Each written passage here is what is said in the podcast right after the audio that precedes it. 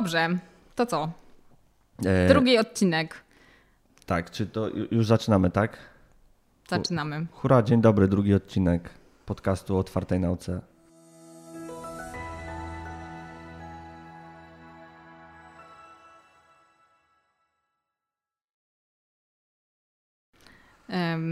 Zostawiliśmy pierwszy odcinek w nastroju Smutnym, depresyjnym, bardzo. przygnębiającym. I- wszystko źle. I mi jest wciąż smutno. Nie Mm. mogę się pozbierać z, tam, z tymi konklu- konkluzjami. Generalnie wygląda na to, że w nauce jest jednak źle. E, Nie jest najlepiej. Okej. Nie żyjemy na najlepszym z możliwych światów, jeśli chodzi o badania naukowe, ale ponieważ e, mamy takie podejście naukowe do różnych problemów, to możemy sobie zadać pytanie w tym odcinku, e, z czego to może wynikać? Tak, z czego wynikają te wszystkie problemy, o których mówiliśmy w poprzednim odcinku? Właśnie, dlaczego ludzie decydują się na fałszowanie wyników? Tak. Albo dlaczego Ściskają te biedne dane i wyciskają z nich na siłę te wyniki, które ich satysfakcjonują. Właśnie, ale dlaczego jak odkryją błąd, to nie pędzą od razu, żeby ten błąd korygować, tylko Tak. pozwalają, żeby te cytowania się im nabijały jeszcze na te artykuły, które ten błąd mają. Tak. Z czego to wynika? No, wynika na pewno z tego, jacy są badacze. No, A to jacy jest system. A to, jacy, jak, jacy są badacze, jest wyznaczane chyba przez system. No właśnie, czy to jest w ogóle ciekawy taki wątek w tym całym e, ruchu otwartej nauki i tych ruchu reform, żeby zamiast właśnie przyglądać się i przypisywać największą odpowiedzialność temu pojedynczemu badaczowi, to przyjrzeć się systemowi, w którym funkcjonuje. Czyli co ten system produkcji wiedzy, nauki, co on wzmacnia, jakie zachowania nagradza, komu pozwala działać i pozwala e, działać bardziej, więcej, więcej publikować, więcej grantów dostawać, więcej doktorantów przyjmować.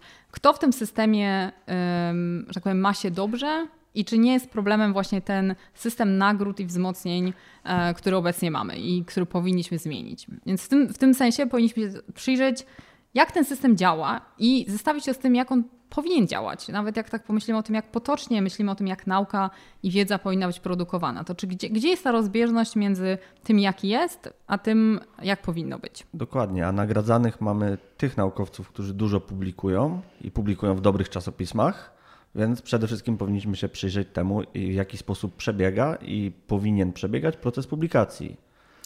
No właśnie, więc można by zacząć tego, jak, jak, jak powinien przebiegać ten proces. Powiedzmy, że mamy jakieś pytanie badawcze e, i tutaj możesz wybrać sobie jakieś pytanie badawcze. któreś. Prze, przerzucasz to na mnie. E, No to może spróbujmy się zastanowić nad jabłkami i rakiem. Wymyślmy sobie, wymyślmy sobie jakieś proste badanie. Jakieś proste to- badanie. Hmm. Jabłka i zadowolenie z życia. Czy Jak jesz więcej jabłek, to jesteś więcej zadowolony z życia. Dobrze. Czekaj, czy, czy jabłka jest zadowolone z życia? No dobra, powiedzmy, No dobra. Tak, jedno i drugie możemy, ilość skonsumowanych jabłek możemy sobie zmierzyć, zadowolenie z życia też sobie możemy zmierzyć. E, No dobra, czyli powiedzmy, chcemy takie, mamy pytanie, czy jedzenie jabłek powoduje, że ludzie są bardziej szczęśliwi. Więc jakbyśmy byli takim em, badaczem bądź badaczką zainteresowani takim e, pytaniem, to pewnie byśmy chcieli mieć jakąś grupę eksperymentalną, której, e, która je te jabłka, grupę kontrolną, która nie je jabłek. Mierzymy po jakimś czasie ich poczucia zadowolenia z życia. To ten przykład potraktujmy jako taki em, Em, Nie będziemy bardzo wnikać w tą metodologię, więc tutaj jest pewnie wiele rzeczy, o których powinniśmy dodatkowo wziąć pod uwagę, związanych z pomiarem, doborem i tak dalej, więc jakby potraktujmy to jako mod- Natom- natomiast taki... jeżeli ktoś będzie zainteresowany przeprowadzeniem Właśnie, takich badań, to, my my jesteśmy chętnie, otwarci. Tak, chętnie będziemy partycypować i Tak. em, to jest przykład. No dobra, i robimy to badanie i okazuje się, że y, jest różnica. Ci, co jedli jabłka, są bardziej szczęśliwi niż ci, co y, nie jedli jabłek. No i piszemy artykuł, em, wysyłamy artykuł do czasopisma i jest artykuł przyjęty. I mamy publikację No i- no i i ten super. jest e, wspaniale, jesteśmy zrealizowani. Splendor, granty, czytowania, Tak. Journal of Jabłka.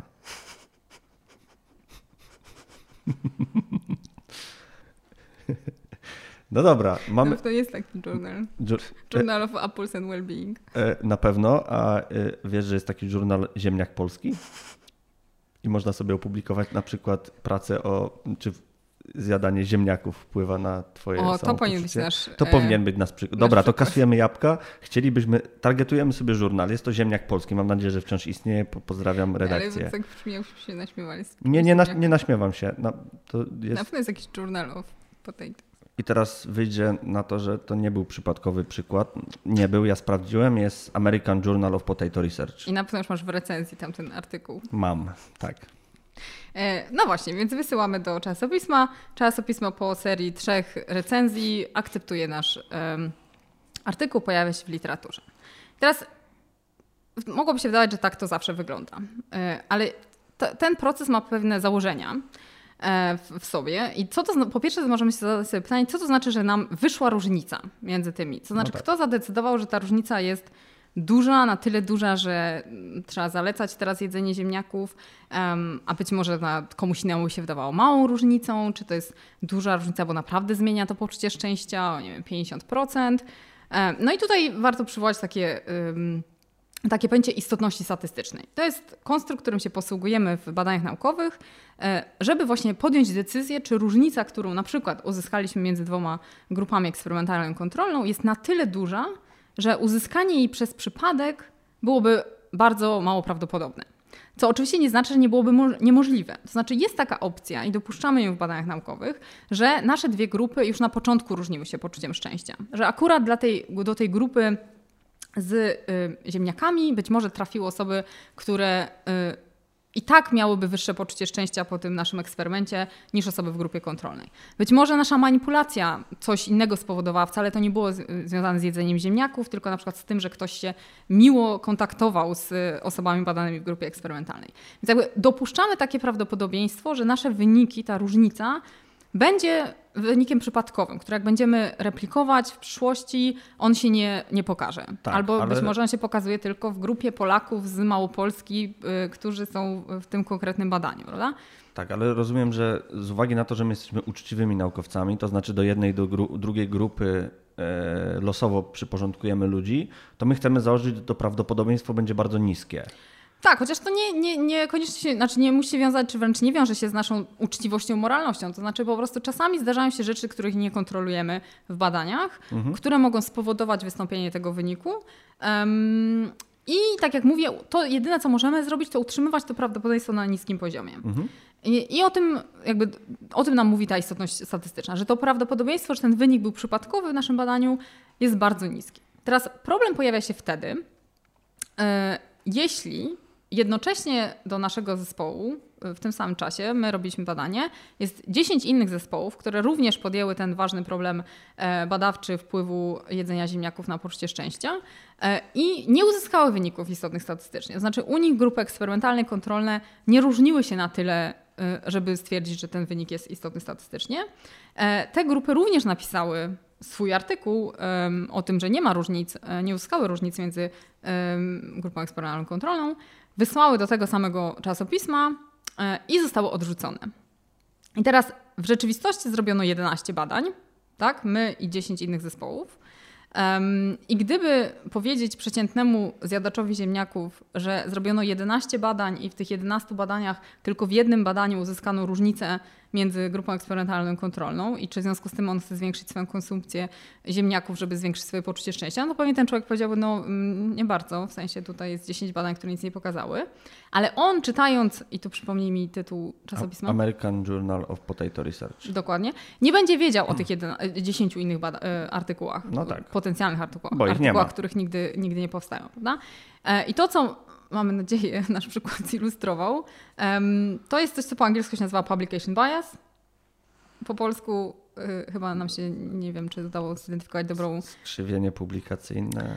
To um, bardzo źle brzmi. Publication bias. Może Tak, generalnie chodzi o to, że do literatury opublikowanej trafiają wyniki, e, które pokazują, efekt, pokazują, że efekty są, a nie trafiają, są odfiltrowywane wyniki, które pokazują, że efektów nie ma, czy Tak, których nie udało się znaleźć tych efektów. Zazwyczaj to już zachodzi na samym zbieraniu, na, na etapie samego zbierania danych, bo jak ktoś widzi i przewiduje, że no nie, nie ma wyniku, w sensie po obróbce statystycznej, to nikt nie będzie pisał tego artykułu, bo on już wie. To nie ma szans, żeby się to ukazało prawdopodobnie. Właśnie, Więc pakujemy tak. to do szuflady i sobie tam leży w nieskończoność, chyba że może wpadniemy kiedyś na lepszy pomysł, zrobimy dodatkowe badania, to może włączymy to do większego, do serii badań. Mhm. Natomiast jeżeli to ma być pojedyncze badanie, to zazwyczaj to zostaje i nigdy nie wracamy do tych danych. No właśnie, czyli po pierwsze mamy taką autoselekcję e, badacza, badaczki, który nie wypuszcza w ogóle tych danych Tak. w świat.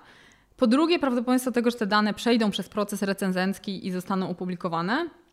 Nie mówimy, że jest zerowe, to znaczy w literaturze są wyniki nieistotne statystycznie, ale są one relatywnie rzadkie. Więc ktoś patrząc na literaturę opublikowaną, znaczy badania opublikowane, mógłby dojść do wniosku, że, że badacze i naukowcy, naukowczynie mają zawsze świetne intuicje, że wiedzą, co ma im wyjść i prawdopodobnie zazwyczaj im to wychodzi. Ponieważ głównie tak, z takimi wynikami w literaturze mamy do czynienia. To się, co ciekawe, to się różni między dziedzinami. Są dziedziny, w których ten procent istotnych statystycznie wyników jest wyższy, są dziedziny, w których on jest nieco niższy. E, ale, ale mm, ten, to zjawisko jako takie występuje. Więc, więc w tym sensie, i to jest problem, ponieważ tak jak mamy nadzieję nasz przykład zilustrował, nie mamy oglądu literatury, nie mamy oglądu wiedzy takiej, jaka ona została zbadane dane zjawisko, tylko mamy bardzo wyselekcjonowany obraz, który nie pozwala nam em, ocenić, czy jakiś efekt faktycznie jest, jest rzetelny, jest replikowalny, em, czy on pojawił się tylko właśnie w jednym w jednym badaniu, w jednym zespole, w jednym em, kraju i y, wszystkie próby zreplikowania go gdzie indziej em, nie dają tych, tych efektów. No tak, i teraz jak sobie pomyślimy o tym z, po- z pierwszego podcastu, o przykładzie e, Vansinga, no to możemy się zastanawiać, może on nie jest aż tak bardzo winny, bo to system go takim stworzył. Ten nacisk na uzyskiwanie tej magicznej wartości 0,5 to może faktycznie nie do końca, w sensie dbanie o to, żeby uzyskać ten wynik, to może nie do końca jest jego wyrachowanie, tylko może nacisk na to, żeby uzyskiwać publikację, to znaczy, żeby być fizycznie w stanie opublikować ten artykuł i patrzymy, on sobie patrzy, taki człowiek patrzy sobie na takie dane i widzi, że mu tak niewiele brakuje, żeby to opublikować, więc Znaczy myślę, że to jest bardziej filozoficzna dyskusja odpowiedzialności osobistej, bo Stapel, który fałszował wprost dane, też Tak. mówił o tym, jak to em, jego pierwsze sukcesy publikacyjne skłoniły go do tego, żeby później em, no, być tak zmotywowanym, żeby kolejne artykuły świetne publikować. em, że po prostu to było silniejsze od niego. No to wydaje mi się, nie wiem, czy to jest temat, który będziemy um, pewnie, ro- pe, rozwiążemy. pewnie nie dzisiaj, Znaczy, ale mm, jedyne co tak mi się z tym nasuwa myśl taka, że jeśli myślimy o sposobach poradzenia sobie z tymi problemami, o których tam będziemy w kolejnych odcinkach mówić, Mhm. e, no to na pewno sugeruję, że należy zacząć od zmiany systemowych, e, bo poleganie tylko na tym, że indywidualne motywacje się jakoś zmienią, albo że każdy badacz, badaczka będzie najbardziej etyczny, moralny. Oczywiście to byłoby idealnie i jakby to też nie sugerujemy, że to jest, że te wszystkie problemy wynikają z jakichś uchybień etyczno-moralnych, natomiast y, z dwóch jakby, czy z trzech płaszczyzn, na których chcemy interweniować, no to pewnie należałoby sobie zadać pytanie o tym, jakie właśnie są te wzmocnienia w systemie, które powodują, że ludzie, dla niektórych ludzi pokusa może być y, po prostu mm, właśnie zmanipulowania tych danych, y, czy obrobienia ich w określony sposób em, zbyt silna. Ale tak jak to już wcześniej też sygnalizowaliśmy, że to nie jest kwestia tylko po prostu indywidualnej jakiejś moralności em, i często te błędy są nie tylko wynikiem tego, że ktoś intencjonalnie je wprowadza w obieg, tylko naprawdę tak myśli, że o czym zresztą też powiemy, e, powiemy jeszcze za, za chwilę. Mhm. A y, mi się jeszcze nasuwa jedno, bo powiedziałeś faktycznie o tym publication bias i o tym, że my dostajemy tak naprawdę wycinek tych badań. To tak zupełnie, no bo to jednak zboczenie filozoficzne, skrzywienie filozoficzne u mnie wychodzi. To w takim razie, czy nauka spełnia tak naprawdę rolę nauki w tej chwili? No bo skoro publikujemy, czy my dajemy tak naprawdę obraz świata, ponieważ no, niektórzy powiedzą, że nauka nam da, da, dawać adekwatny, obiektywny i tak dalej ob, obraz świata. A kiedy dopuszczamy tak naprawdę do upowszechnienia tylko pewnej części wyników, to czy tak naprawdę my nie przestajemy robić nauki w tym znaczeniu takim klasycznym? No bo to, to jest taki głę- głęboki i taki, ja bym powiedział, frapujący problem filozoficzny dość mocno. No bo nauka przestaje być nauką, jeżeli mówimy, że z nauką stowarzyszone są pewne, war- pewne wartości. No. Nie no, na pewno jeśli to zniekształcenie, y, no to wydaje mi się, że to jest kwestia proporcji tego y, w jakimś sensie, Mhm. no bo jeśli em, jest tak, że żadne wyniki nieistotne nigdy się nie ukazują, a wszystkie wyniki istotne się ukazują, no to będziemy mieć bardzo y, zniekształcony obraz.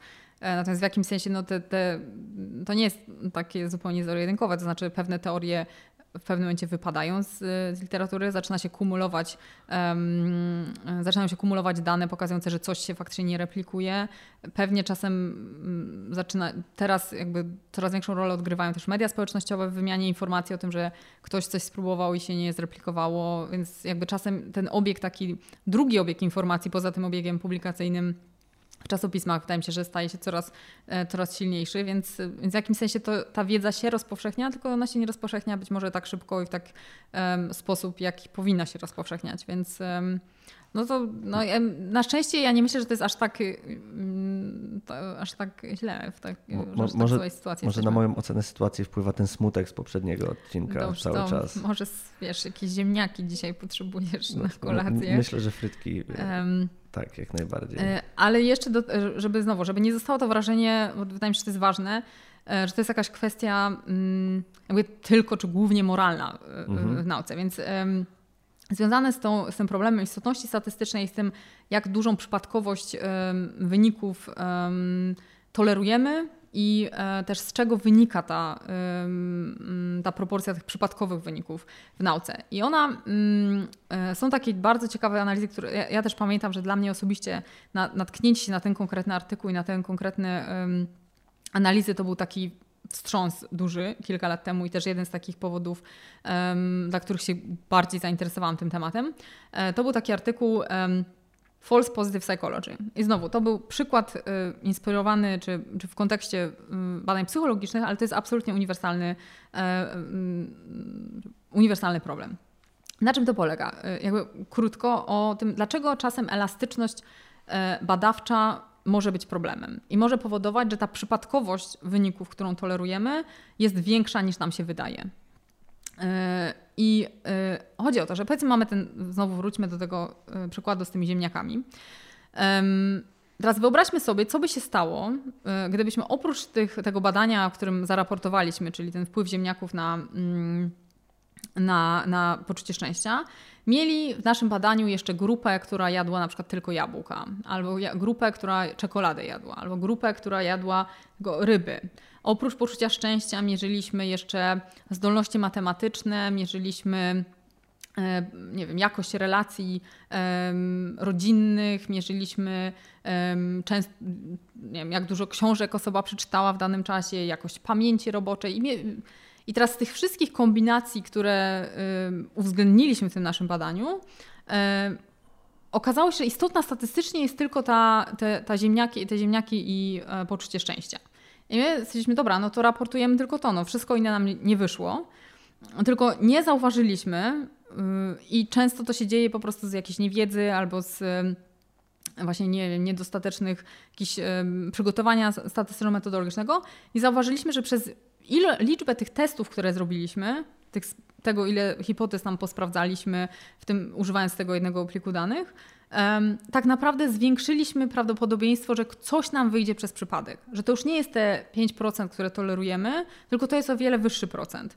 Mm, I w związku z tym to, że nam wyszła jedna, jeśli by tam było na przykład 20 korelacji, to jedna z tych korelacji może być istotna statystycznie zupełnie przez przypadek. Tak? Mm, natomiast ludzie, którym my potem opisujemy w artykule, y, to co tam znaleźliśmy, to oni o tym nie wiedzą. I oni to traktują tak, jakby to była nasza jedyna analiza, którą zrobiliśmy. I właśnie ten artykuł, o którym mówię, y, zrobił takie symulacje, zrobili autorzy symulacje pokazujące, jak zmienia się to prawdopodobieństwo otrzymania istotnego statystycznego wyniku w zależności od właśnie ilości analiz, od ilości różnych tam, ja już nie będę wnikać w szczegóły, to można sobie to doczytać, mm, od ilości różnych decyzji y, analitycznych y, badacza, który ten, to badanie zrobił. I okazuje się, że przy pewnej kombinacji tych decyzji i tej swobody badacza, to prawdopodobieństwo może wzrosnąć nawet na przykład do 60%. Czyli jest zamiast tych 5%, które nam się wydaje, że tolerujemy, jest 60% prawdopodobieństwo, że znajdziemy istotny statystyczny wynik. Teraz jeśli my go pokazujemy jako jedyna rzecz, którą nam wyszła, e, no to czytelnik, czytelniczka nie wie o tym, że my, e, my jakby w taki sposób to badanie przeprowadziliśmy. Nie ma szansy oceny prawdziwego tego prawdopodobieństwa przypadkowości, e, przypadkowego wyniku. Więc to jest ta elastyczność, która, o której myślę, że będziemy jeszcze wielokrotnie wracać, która wyda- może się wydawać, że brzmi jako coś pozytywnego. Tak? No, że badania na tym polegają, że coś odkrywamy, coś przez przypadek się zdarza, coś elastycznie reagujemy na, na, na to, co, co się wydarza w, w badaniu, ale że nie zawsze to prowadzi do, mm, do mm, bardziej rzetelnych, bardziej replikowalnych wyników. No, czyli to będzie wspierało taką tezę, że jednak powinniśmy być dość precyzyjni w projektowaniu i przeprowadzaniu tych badań. Mm -hmm. Bo jednak musimy wiedzieć, co chcemy zbadać, zbadać to i wtedy uczciwie raportować. Tak, i też to z drugiej strony odbiorców, żeby oni po prostu mieli dostęp do tych informacji, do tych decyzji analitycznych, które podjęliśmy, żeby mogli ocenić, na ile to są faktycznie wiarygodne wyniki, na ile to są um, potencjalnie replikowalne wyniki, um, na ile może to są właśnie przypadkowe wyniki, tak jak z tymi znowu przykładem naszych ziemniaków, tak jeśli by czytelnik wiedział, że zrobiono 11 badań, z których jedno badanie tylko pokazało ten wynik, no to jego odbiór tych wyników był zupełnie inny niż wtedy, kiedy mu opisujemy tylko to jedno badanie, którym, którym uzyskaliśmy te, te istotne statystycznie wyniki. Dokładnie, a to jest istotne jeszcze dlatego, że im badania są ciekawsze, tym łatwiej przebijają się do, do powiedzmy mainstreamu, są raportowane, ludzie występują, no nie wiem, te toki dają o tym, że ziemniaki wpływają na poziom szczęścia, sprzedaż ziemniaków rośnie, także ma to realne, tak naprawdę realne przełożenie na to, w jaki sposób my żyjemy i jakie decyzje podejmujemy. Mhm. Więc tu znowu wychodzi troszeczkę taka odpowiedzialność naukowca. No, a z tym to się wiąże też właśnie y, y, z tym wątkiem jakby popularyzacji wyników badań e, i z tą presją właśnie na to, żeby nie tylko być rozpoznawanym i znanym ze swoich e, badań w środowisku naukowym, ale też żeby się to e, przebijało, nie wiem, do szerszej szerszej publiczności. To akurat w tym kontekście badania nad dietami i właśnie takimi, no, ten przykład, który my podaliśmy, no to jest jedno z takich obszarów badań, które są nie chcę powiedzieć mniej rzetelne, ale na pewno mniej replikowalne. Że tam jednak mhm. to, to, jak często zresztą sami czytamy, dzisiaj kawa leczy raka, jutro kawa powoduje raka, prawda? Mm, więc w tym sensie to jest takie, taka dziedzina, która jakby jest bardzo duże zainteresowanie e, publiczne tymi informacjami, w związku z tym nacisk na to, żeby coś opublikować, co od razu może się przedostać do, do jakiejś tam świadomości um, powszechnej. I tutaj w tym kontekście jest ciekawe, w którym, y, na którym etapie przekazywania mm, wiedzy do właśnie takiej szerokiej e, publiczności dochodzi do tych, może nie przekłamań, zniekształceń, takiego na Um, uproszczeń. Uproszczeń, tak. Na przykład, że badanie, które oryginalnie było zrobione na myszach, ląduje na przykład ze zdjęciem ludzi jedzących obiad z ziemniakami, prawda? I ziemniaki leczą raka. No tylko nikt nie dodaje u myszy na przykład. Więc um, zrobiono takie ciekawe analizy. E, to chyba było w, e, w Wielkiej Brytanii gdzie właśnie badacze zainteresowali się, gdzie się pojawia, na którym etapie tego, od, od momentu, w którym badacz robi badanie, opublikuje artykuł w czasopiśmie naukowym, e, potem wypuszcza uniwersytet jakąś notkę prasową, że o, takie nasi badacze odkryli to, potem jacyś dziennikarze się tym interesują, przychodzą zrobić wywiad z tym, mm, z tym naukowcem i to gdzieś potem trafia do jakiegoś, nie wiem, bardzo popularnego e, czasopisma to gdzie się, gdzie się zaczyna pojawiać to przekłamanie? E, I po, pierwsze podejrzenie było takie, że to ci dziennikarze po prostu no, nie doczytali, nie zapytali, po prostu chcą, żeby był jakiś artykuł, który będzie, mm, ludzie będą klikać i będą czytać, no więc rozdmuchują te wyniki na etapie um, tej prasy popularnej. E, I okazało się, że wcale nie, że to, co się, e, gdzie się naj, jest największy um, właśnie takie, że tak powiem, odejście od tego, co faktycznie zostało zrobione, czy może takie utrata tej subtelności w tym, to jest w notkach prasowych, które przygotowują uniwersytety, e, które kierują do dziennikarzy. I to dziennikarze właściwie najczęściej po prostu raportują dokładnie to, co dostają w tych notkach prasowych. Więc jeśli chcemy jako naukowcy zadbać o to, żeby mm, ta wiedza była w rzetelny sposób raportowana, no to to ewidentnie jest nasza odpowiedzialność, czy to my nie, um, że tak powiem, nie no, mm. powinniśmy zadbać o precyzję przekazu informacji. Dokładnie. No, nawet jeżeli e, samo badanie zostało dobrze przeprowadzone i na przykład wynik mamy powiedziane w warunkach takich i takich, w takiej i takiej grupie zaszedł, e, nie wiem, mm, byliśmy w stanie pokazać, że zachodzi taki i taki efekt, to często jak chcemy to raportować, no to nie dodajemy tych wszystkich rzeczy, bo to jest zbyt skomplikowane i mówimy, że efekt, jest taki efekt tyle. I to, i to się robi problematyczne. No. no.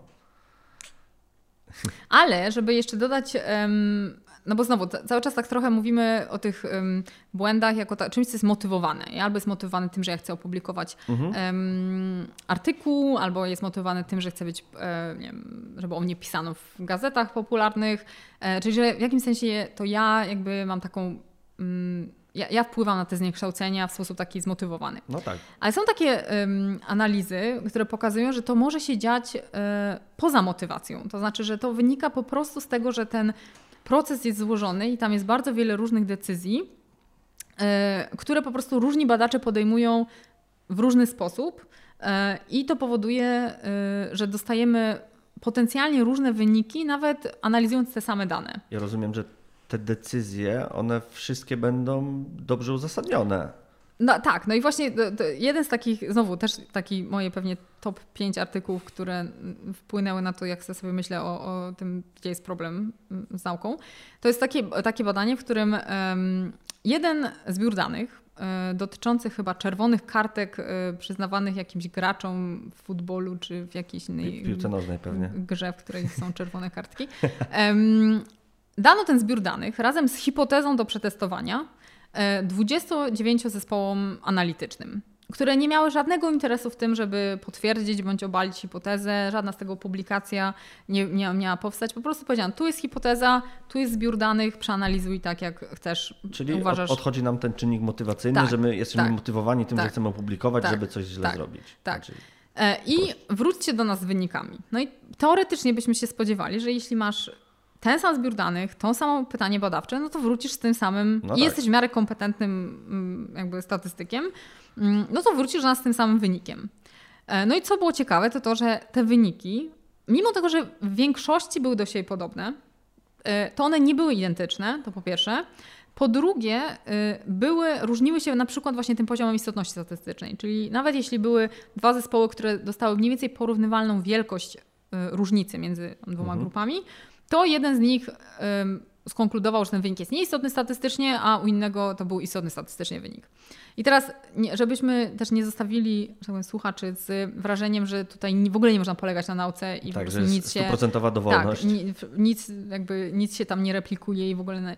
Nie, znaczy w większości uśredniając te analizy, można było dostać określony wynik, który w, i w obrębie tego mhm. uśrednienia większość tych wyników się znaj znajdowała. Natomiast te pojedyncze decyzje zespołów badawczych, które były uzasadnione, czy tam nawet po dyskusjach między tymi zespołami dalej różne zespoły obstawały przy swoich własnych decyzjach analitycznych, no pokazują, że, te, że to nie jest wszystko zupełnie jednoznaczne. I w tym sensie właśnie ta, to, co, o co powinniśmy zabiegać, to o to, żeby te decyzje po pierwsze były transparentne, czyli mhm. żebyśmy wiedzieli dokładnie, jak każdy na przykład zespół, czy jak każdy badacz te swoje wyniki analizuje, żeby to było możliwe do poddania weryfikacji, krytyce, y, sprawdzenia, czy jeśli zmienimy jakąś tą decyzję na inną, równie uzasadnioną, czy ten wynik dalej się będzie replikował. E, I w tym sensie nie chcielibyśmy prawdopodobnie polegać na wynikach, które pojawiają się tylko w określonej kombinacji decyzji, prawda? czyli tylko wtedy, kiedy usunę tę osobę, zastosuję tą statystykę, zbadam tą zmienną przed tą zmienną i skontroluję trzy inne zmienne, tylko wtedy dostaję wyniki statystycznie. Ale jak w każdą z tych decyzji podejmę trochę inaczej, to ten wynik znika. Prawda? Więc w tym sensie to jest też jeden z tych postulatów um, tych reform e, otwartej nauki, to to, żeby te decyzje były transparentne i żeby sprawdzać na różne sposoby po prostu te, te wyniki, które raportujemy, na ile one są uzależnione od tej elastyczności, od tej w jakimś sensie arbitralności niektórych decyzji, a na ile one nie zależą od tego. Mhm. I jak mówimy sobie o transparentności decyzji, no to faktycznie to może być problematyczne czasem, no bo trzeba, nie wiem, w jakiś sposób notować, jakie decyzje na jakim etapie były podejmowane, no ale jest prostsza rzecz, którą chyba od strzała można wprowadzić i jest to udostępnienie i transparentność samych danych. Dane sobie zbieramy i nie wymaga od nas precyzyjnego loga, jaki model statystyczny y, zastosowałem, jaką decyzję jednostkową podjąłem, tylko wystarczy wrzucić gdziekolwiek na jakieś otwarte repozytorium dane. No ale problem pojawia się taki, że no, tych danych, dostęp do tych danych jest utrudniony i to, i to znacznie.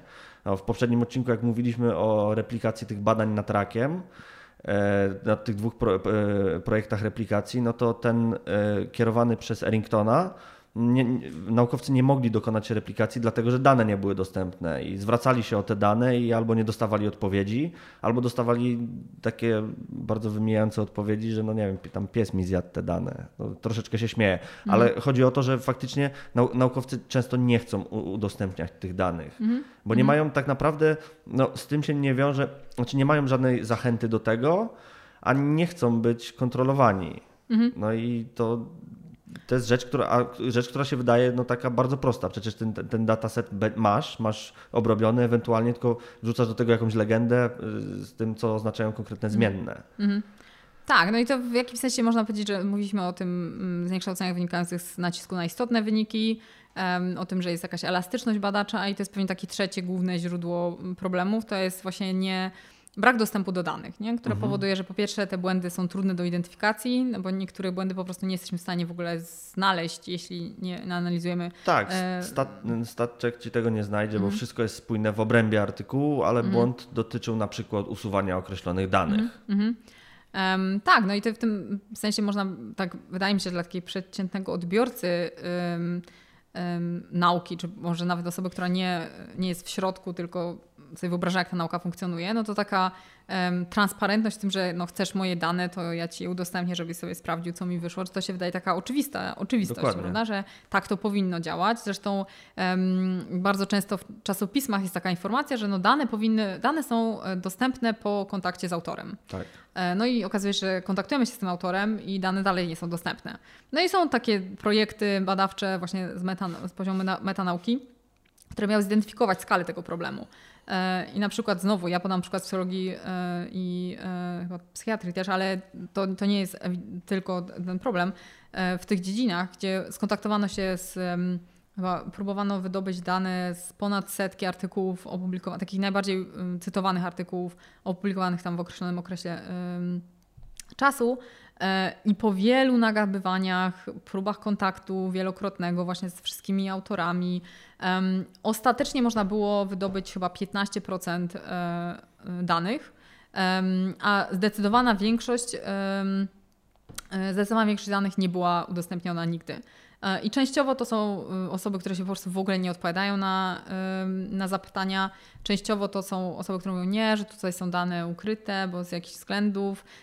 I to jest, że tak powiem, uzasadniony, czasem to jest uzasadniony, uzasadniony powód, dla których nie udostępniam danych. Ja mogę sama powiedzieć o sobie. jestem wielką zwolenniczką udostępniania danych, materiałów, wszystkiego, ale sama mam dane e, z, od ekstremistów z e, Indonezji na przykład, gdzie osoby są w grupach, jakby bardzo trudny był E, kontakt e, e, też z tymi osobami. Mhm. Osoby mówią o bardzo wrażliwych kwestiach, jak na przykład to, czy się angażują w, w przemoc. I w tym sensie bardzo dużo namysłu weszło w to, i które z tych danych możemy udostępnić i w jakiej formie. To samo teraz mamy badania nad uchodźcami z Syrii, gdzie też pytamy ich bardzo wrażliwe kwestie dotyczące poglądów politycznych, poparcia dla przemocy. I znowu, to nie są nawet jeśli są dane, których teraz nie mogę zidentyfikować um, osoby, która wzięła udział w tych badaniach, ja nie, nie, jestem w stanie przewidzieć, czy na przykład za 15 lat nie będzie technologii, które pozwolą na podstawie tych danych zidentyfikować tę osobę. Więc w jakimś sensie ja rozumiem, że są takie da dane, które są wrażliwe i ludzie mają, um, badacze mają uzasadnione powody, że nie chcą ich udostępniać w takiej surowej formie.